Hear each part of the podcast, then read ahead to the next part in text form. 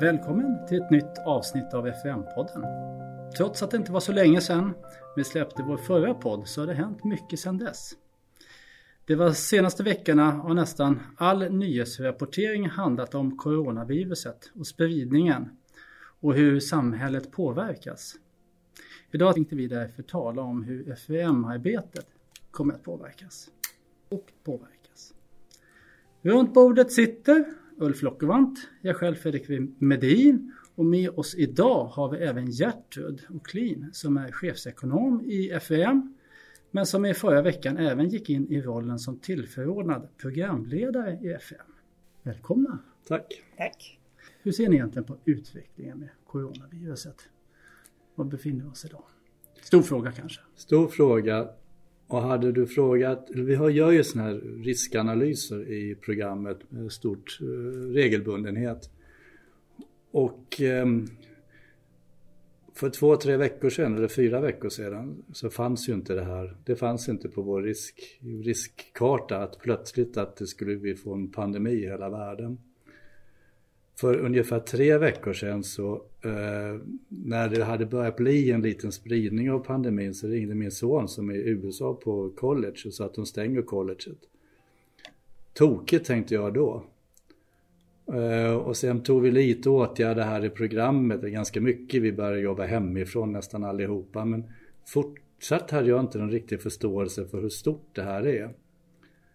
Eh, och det som har hänt nu är eh, det stora är väl att många, många i programmet har avropats för vi behövs ute i vården och bland annat jag själv. Och är man där så förstår man vilken total mobilisering det är. Det är många, alltså det är, jag tror, vad kan det vara Gertrud? Säkert mer än hälften som jobbar i vården nu.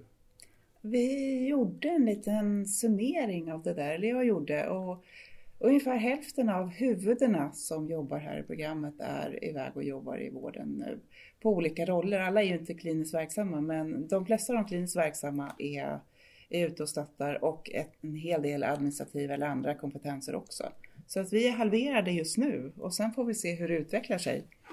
Det behövs allt möjligt där ute, inte bara sköterskor och doktorer utan man ska sätta upp nya, nya sjukhus, behöver ny IT, man behöver sådana som kan medicinsk eh, teknik så att det är många kompetenser i programmet som har avropats. Mm. Och det, har, det, här har ju påverkat såklart FM väldigt mycket. Samtidigt så är det jätteviktigt att FM kommer ju sträcka sig över det beror lite på hur, hur duktiga vi är, men fem, sex år eh, totalt allting från liksom, det initieras till sista utrullningen. Så när vi står här 20, 25 eller 26 och allting är helt klart. Då tror jag ändå vi kommer att tänka tillbaka. Ja, så var det de två, tre, fyra månaderna som vi hade pandemin. Ja. Så att FEM i stort är ju inte eh, Mm, kommer ju inte ifrågasättas eller stoppas på grund av det här. Det tror jag man måste liksom ha, ha med sig. Just Men just nu har det fått stora konsekvenser. Och bland annat på anbud och sånt. Och det vet du mycket mer. Ja, ja. själv så blev jag då inkallad till ja, att leda, man kan säga strategiska analytiska frågor på SLSO. Och till en början tänkte jag, det här gör jag väl på 20% vid sidan om. Nu är det 120 och kommer bli ännu mer. Det fanns inte en chans att ta hand om, om programmet. Mm. Men Gertrud har ju jobbat väldigt nära mig sedan ja, flera år nu och har minst lika bra koll på programmet och ibland faktiskt till på köpet bättre. Så att eh, det var inte alls någon, någon, fråga om vem som skulle ta över och eh, Gertrud, så det har du gjort och du har mycket mer koll på vad som händer nu vad gäller anbud och utvärdering och sånt. Ja, Eh, vi fick väl snabbt summera upp och eh, konstaterade då att en efter en så fick vi förfrågan om de här människorna kunde hjälpa till och vi vill självklart hjälpa till när vi kan hjälpa till. Mm. Eh, absolut, och det är det budskapet vi har väldigt tydligt inom programmet. Och då när vi började se vart, vilket håll den här utvecklingen har så insåg vi att vi kommer inte kunna genomföra en utvärdering med de, med de resurser vi har kvar, med de kompetenser vi har kvar. Vården i sig är ju stenfokuserad på att etablera kapacitet att ta emot alla sjuka som kommer att komma. Och som redan kommer. Och som redan kommer. Ja. Eh, så att eh, vi insåg att det här kommer inte funka med en utvärdering som var planerad då i maj och juni. Eh, där fick vi tänka om. Så då gjorde vi som vi brukar göra. Vi förankrade det uppåt med våra programägare högre upp i regionledningen. Eh, Stefan Schilt är ju en viktig person i styrningen av programmet och Mikael Oling. De hade naturligtvis full förståelse och höll helt och hållet med om att det här måste vi tänka över.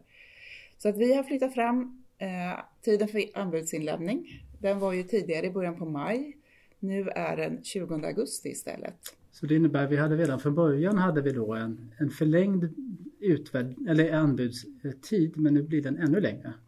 Ja, när vi gick ut i den här nya upphandlingen så ville vi ju verkligen säkerställa att vi får konkurrens. Och bästa sättet att säkerställa det är ju att ha en lite längre anbudstid. Mm. Eh, för det var ju det som gjorde att vi fick stoppa förra gången och, och vi vill inte stoppa någon fler gång.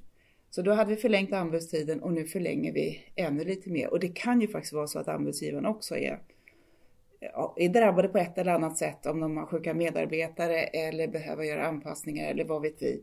Vi har ju inte direktkontakt med dem men de kan ju faktiskt också behöva längre tid. Mm. Jag skulle tro att det är troligt att de har påverkan på något sätt. Det har ju hela samhället.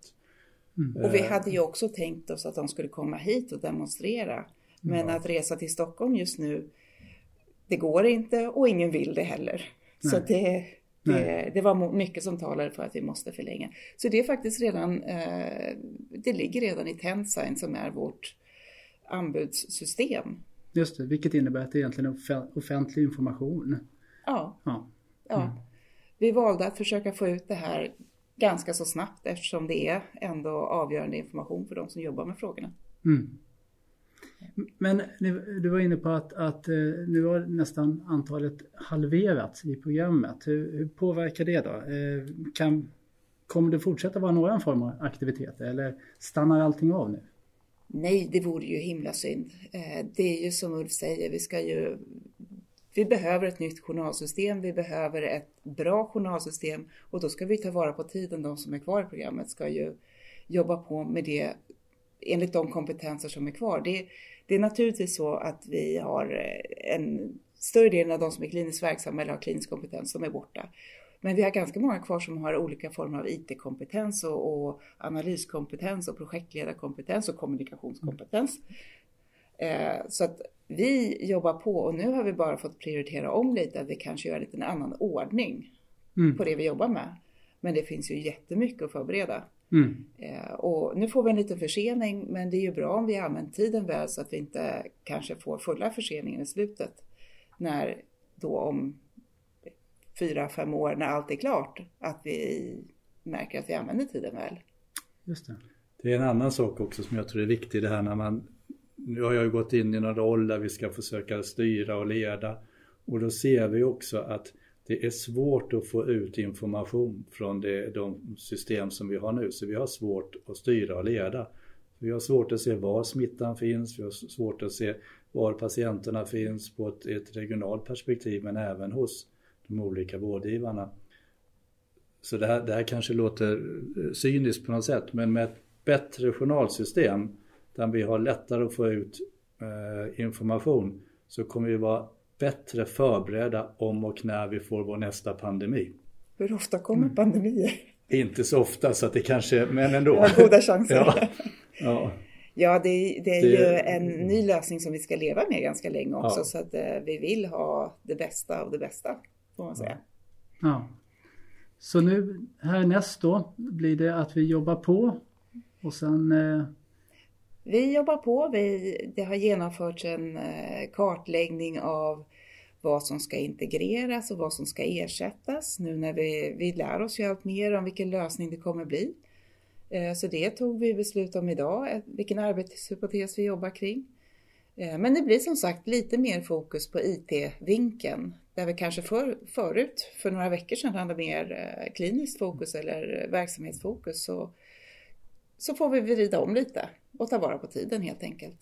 Mm. Mm. Vi brukar hålla avsnitten ganska korta. Eh, är det något mer vi vill summera med? Det pågår fast vi påverkas. Ja. Det, det, pågår, det är jättesvårt att göra prognoser om det här.